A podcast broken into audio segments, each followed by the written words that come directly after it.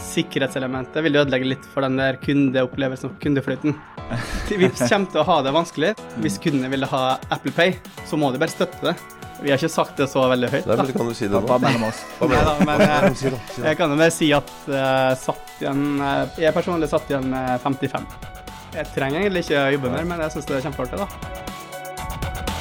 Her er Stavrum og Eikeland, en podkast fra Nettavisen.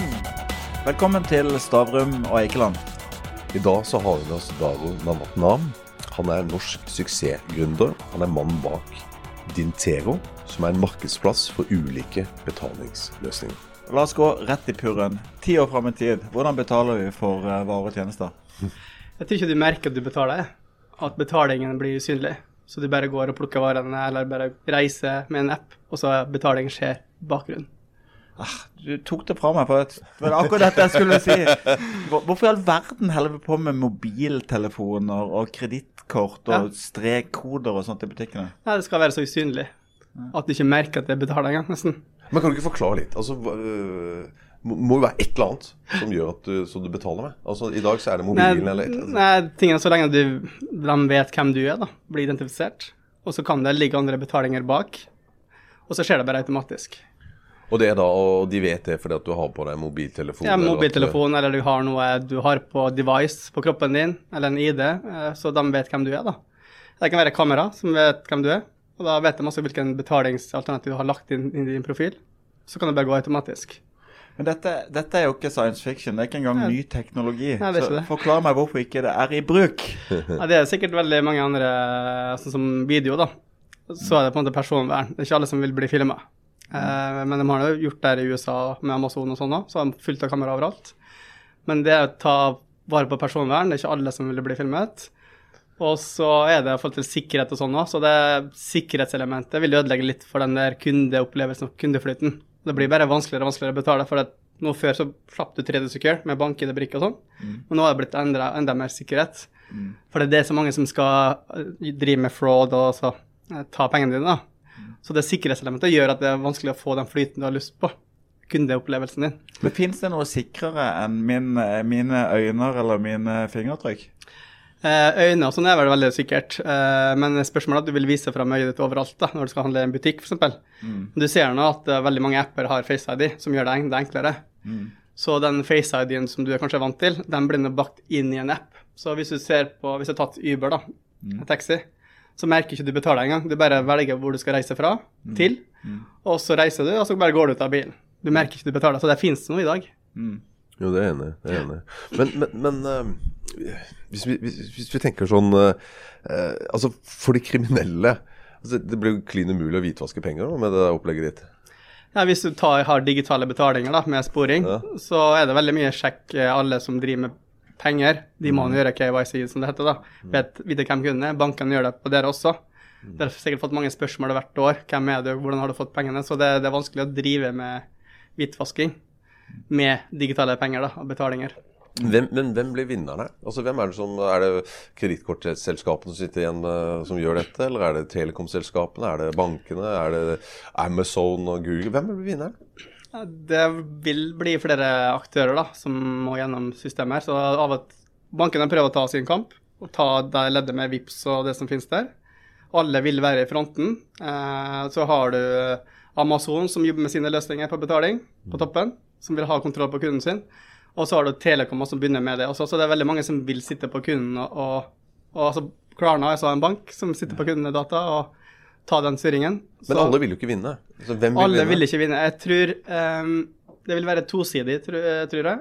Så en side er på en måte den som fokuserer på vanlige kunder, konsumenter. Bank kan være Klarna, som fokuserer mye på konsumenter.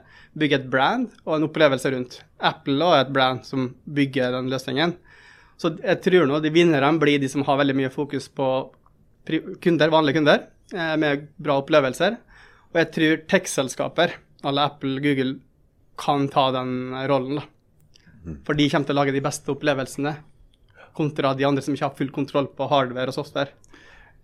Et liten omvei. Eh, Du eh, er utdannet fra NTNU. Eh, Du er på en måte også en seriegründer, hvis du sier du var gründer, gründer før. Og nå har du et selskap som heter Dintero. Ja. Hva er det Dintero driver på med? Det vi gjør, at når vi ser på betaling og hva som skjer innen betaling nå Før så betalte vi kontant. Det var ikke så komplisert, egentlig. Og så ble det kort, og så ble det plutselig mobile lommebøker og begynner å komme veldig mange betalingsformer.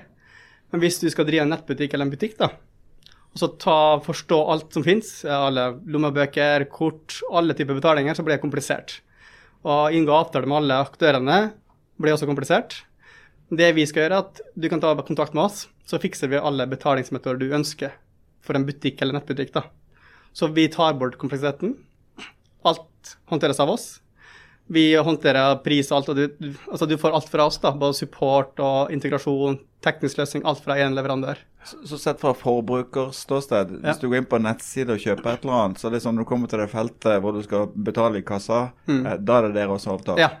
Da kommer vi og leverer vår løsning, eh, og nettbutikken bestemmer selv hvilke betalingsmetoder de vil aktivere. Noen vil kanskje ha bare VIPS, noen vil ha VIPS og kort, noen vil også ha faktura og delbetaling. Og Det kan de bare fikse hos oss, og så blir den tilgjengelig for en sluttkunde som skal betale nettbutikk. Men det er butikkene som er våre kunder. Og de bestemmer selv hvordan de vil sette opp nettbutikken sin, og hvilke betalingsmetoder de vil aktivere. Men, men hvis du får rett i det du sa tidligere, så er det noe, noe plass til dere da om ti år? Ja, det er til og med at betaling blir usynlig, så må det være et system som håndterer betalingene bak. Så selv om at vi ikke er synlige, så skal vi levere tekniske løsninger bak. Men vi ønsker ikke å være synlige. Altså, hvis vi kan lage en løsning hvor vi ikke er synlige, ting bare fungerer bra i nettbutikken, og du bare klikker på en knapp og betaler, så har vi gjort jobben vår. Men den store diskusjonen her, sant? hvis du tar, eh, tar forholdet mellom Apple Pay og de norske bankene, sant? hvor Ja. betalingsformidling Mm. og bankvirksomhet er jo ekstremt regulert i mange Ja. land. Ja. Så kommer det bitcoin og på en måte kryptovaluta Ja. eh, og globale betalingsleverandører. Ja. Har politikerne noen som helst mulighet til å regulere dette? De prøver nå eh, å regulere. Så pengene inn, må nå inn en plass. Eh, hvis du skal ha bitcoin, kjøpe bitcoin, så har du nå vanlige penger du skal kjøpe bitcoins med, hvis du ikke miner sjøl. Da.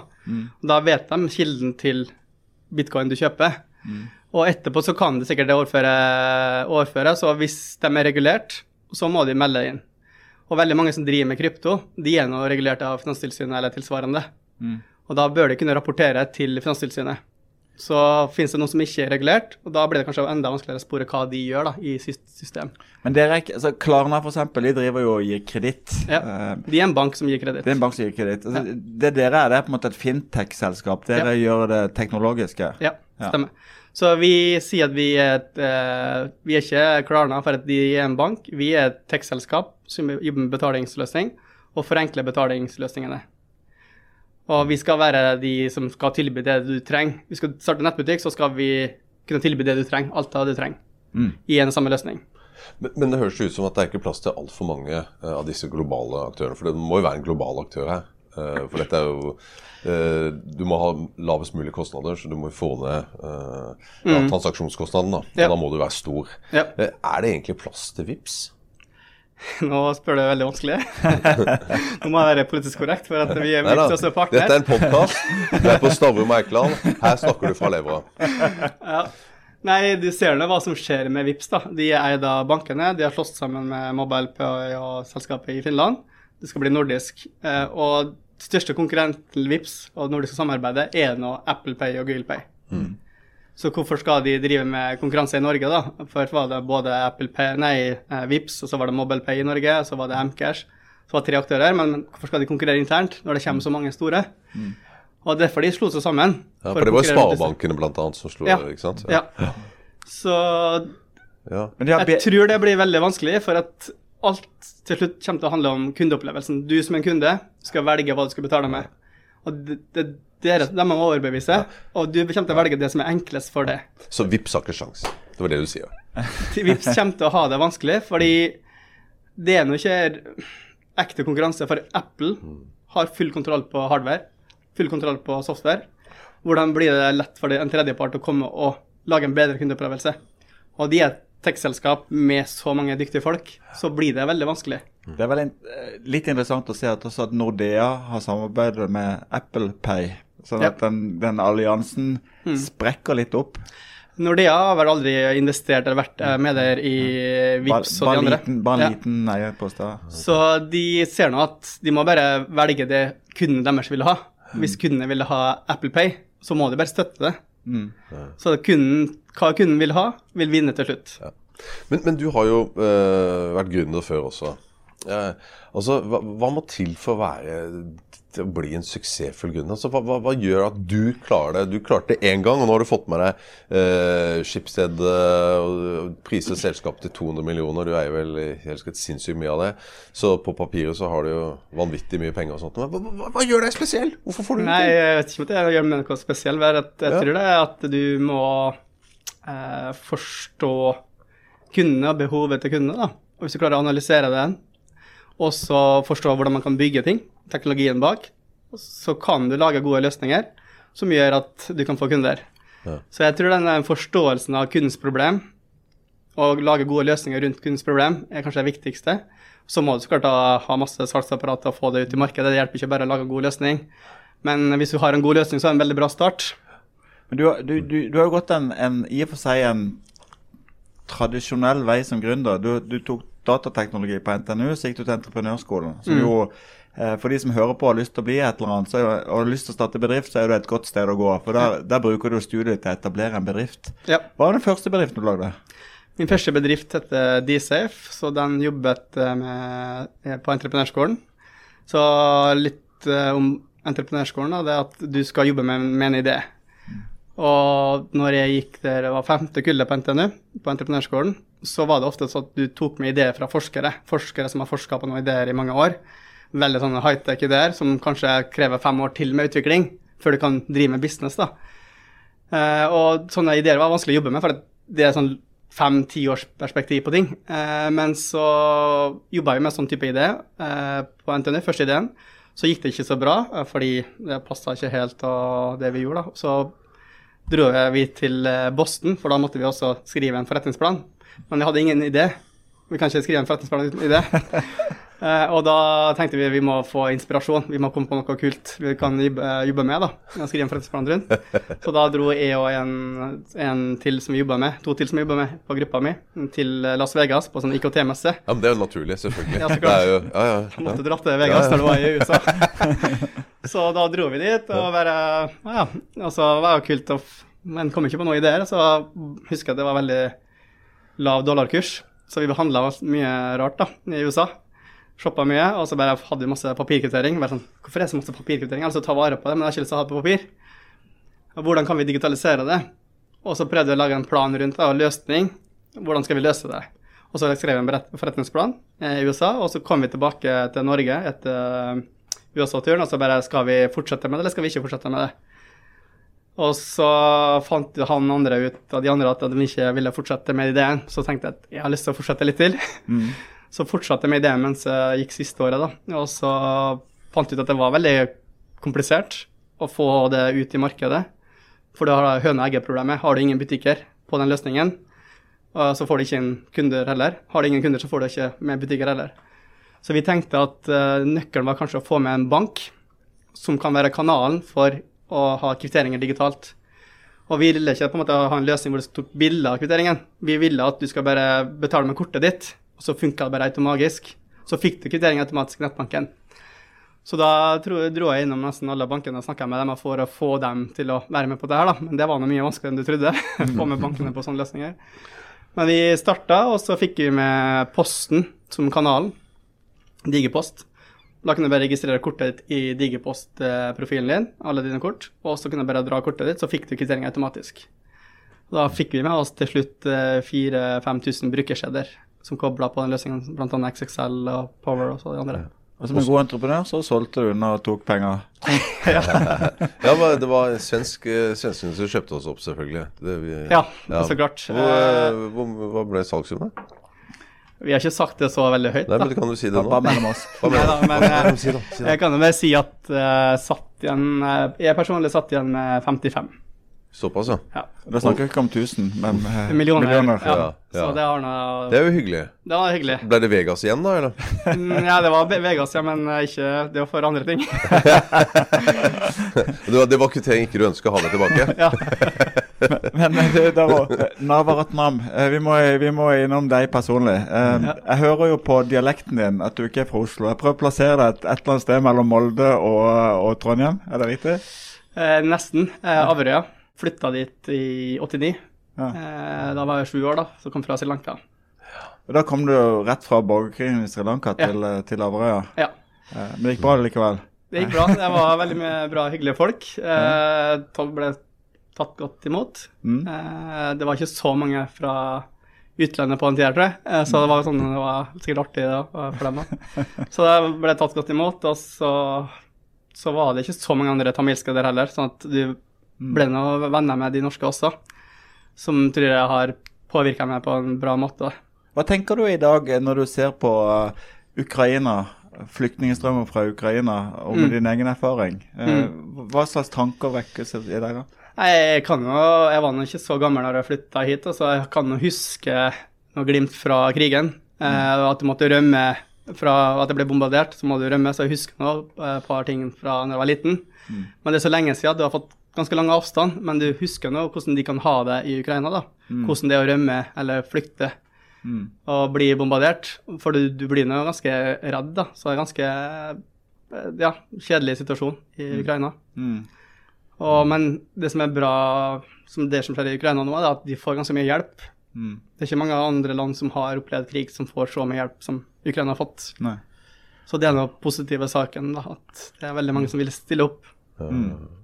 Hvis vi går da tilbake til, til eh, noen av disse sanksjonene som eh, Vesten skal eh, kjøre på mot Russland, Mm. så er det jo denne her eh, Ja. Swift-nektelsen av noen av disse russiske bankene. Ja. Uh, Fins det måter for de å unngå altså komme seg rundt dette, eller, er det, eller vil det ødelegge systemet for disse bankene? Det vil nok ødelegge for bankene, men du har nå kryptonettverket, da, hvis noen private vil eh, ha krypto i stedet. Eh, hvis russiske banker vil åpne for det, kan du kan kjøpe bitcoin f.eks., så kan du overføre det til andre land også. Men det blir vanskelig for banknettverk å samarbeide, men du som en privatperson kan nå egentlig få til det.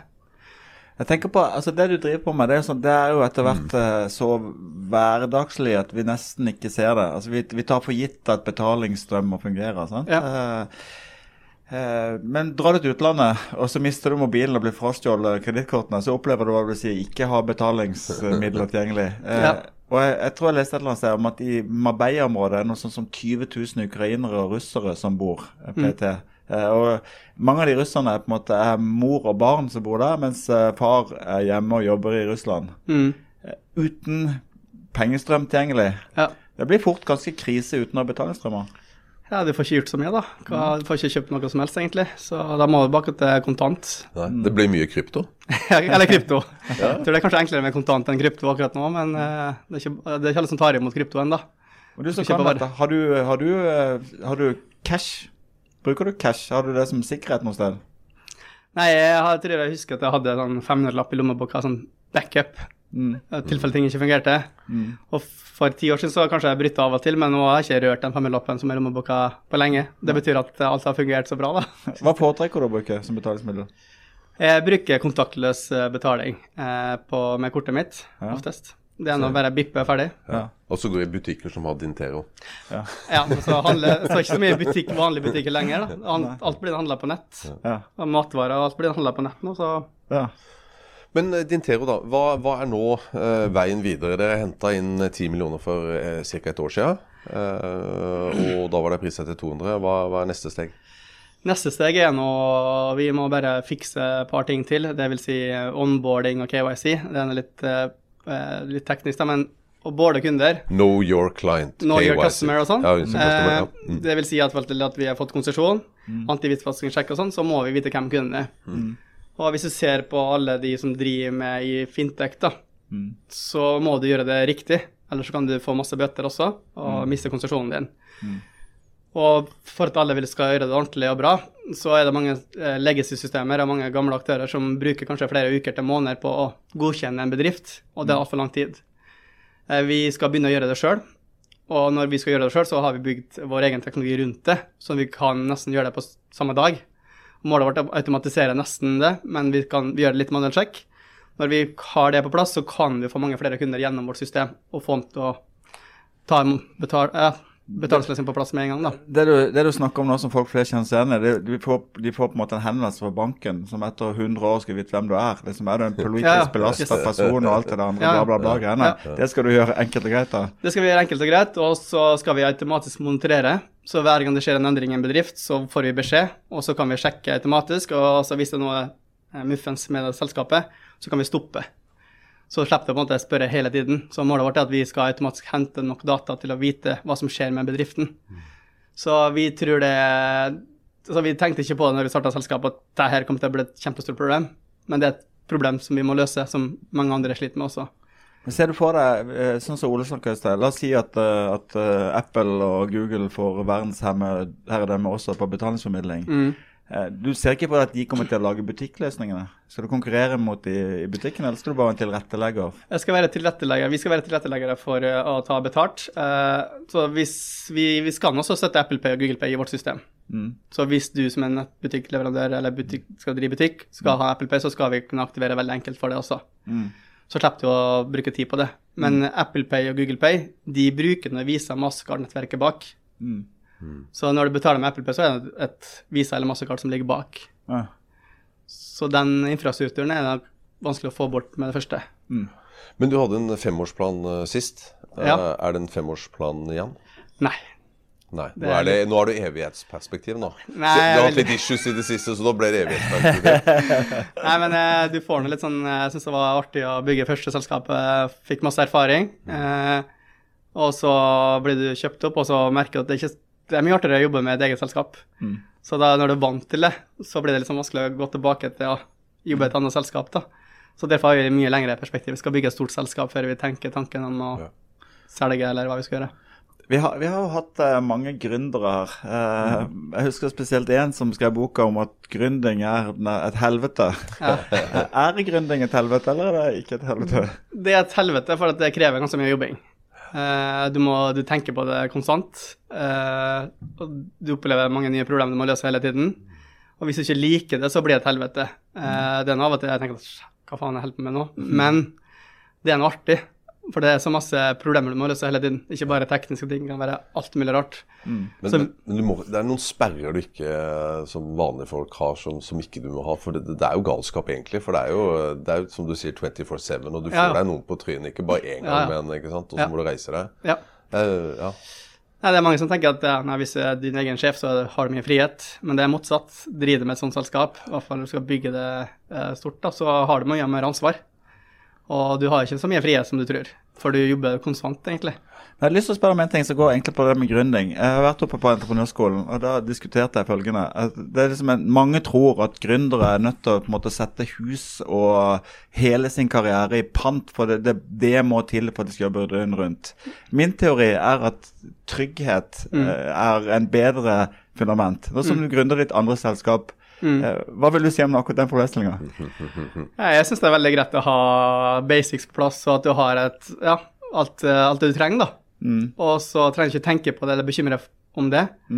Og så tenker du, har du bare én bekymring, det er jobben, liksom. Samtidig å ha to bekymringer, både jobb og privatliv, så er det mye bedre, det du sier, da. Alt, alt er på stell. Hvorfor, hvorfor er det likevel sånn at, vi, at eh, folk som skal finansiere gründere, ønsker å finansiere folk som på en måte går konk hvis ikke de får det til i morgen? Da har de litt mer stake in the game, da, så da, da betyr det at kanskje de tror de kommer til å jobbe mye hardere, for ellers så mister de alt, enn en som kanskje har det komfortabelt, og da er ikke like ivrig på å lykkes. Så kan det være derfor noen investorer tenker sånn, da. Men folk er så forskjellige, så du kan ikke bruke det når du skal investere. For noen som har gjort det bra før, har fått nok penger og skal gründe på nytt, så blir noen bare Nei, men jeg trenger ikke jobbe svart, for jeg har gjort det før, altså jeg har pengene. Så noen bare syns det er kanskje ikke jobber så hardt, da. Så har du noen som vil bare få det til en gang til, eller to ganger til. Og du jobber like hardt likevel. Og du jobber like hardt likevel? Eh, ja, jeg jobber like hardt likevel, ja. Ja, for, du har, da, for da har du 55 millioner på bok, eh, og de har kanskje hatt litt avkastning, så du har enda mer på bok. Så du, så du trenger egentlig ikke gjøre dette lenger, du. Jeg trenger egentlig ikke jobbe mer, men jeg syns det er kjempeartig, da. Ja. Men har du spytta mye penger inn også nå? Jeg har uh, putta litt penger eh, hvert år, skal vi si, hvert på hver runde. Så vi finansierte nå to-tre første årene i selskapet, da, før vi begynte å hente inn eksterne. Ja, riktig. Hvor, hvor mange prosent sitter du igjen med nå? Nå sitter jeg vel igjen med ca. 66. Ja. Og en prising på 200 i fjor, og så har jeg skutt litt mer enn nå. Ja, det blir jo penger, det òg. Det blir penger, det, men det er ikke hovedmotivasjonen min, er ikke de pengene. Nei. For at uh, du har på en måte greit oftest, og det er egentlig den det du gjør på jobb, da, den gleden du har på jobben, og, og så få til ting, nye ting, løse nye problemer, det som jeg driver med, da, i hvert fall, er mer enn de pengene. Har du barn? Nei. Tenk oss at du får en datter, da. eh, Så sier hun at eh, pappa har lyst til å bli som deg, jeg har lyst til å gå til NTNU og gå på entreprenørskolen og bli gründer. Ja. Sier du at det må du ikke finne på, eller sier du at det er en god idé? Jeg hadde sagt jeg gjør det du har lyst til å gjøre, egentlig. Så lenge jeg ikke gjør noen ulovlige ting, så bare gjør det du har lyst til å gjøre. Ja. Så det er heller det. Du fikk Stavrum og Eikeland, en podkast fra Nettavisen.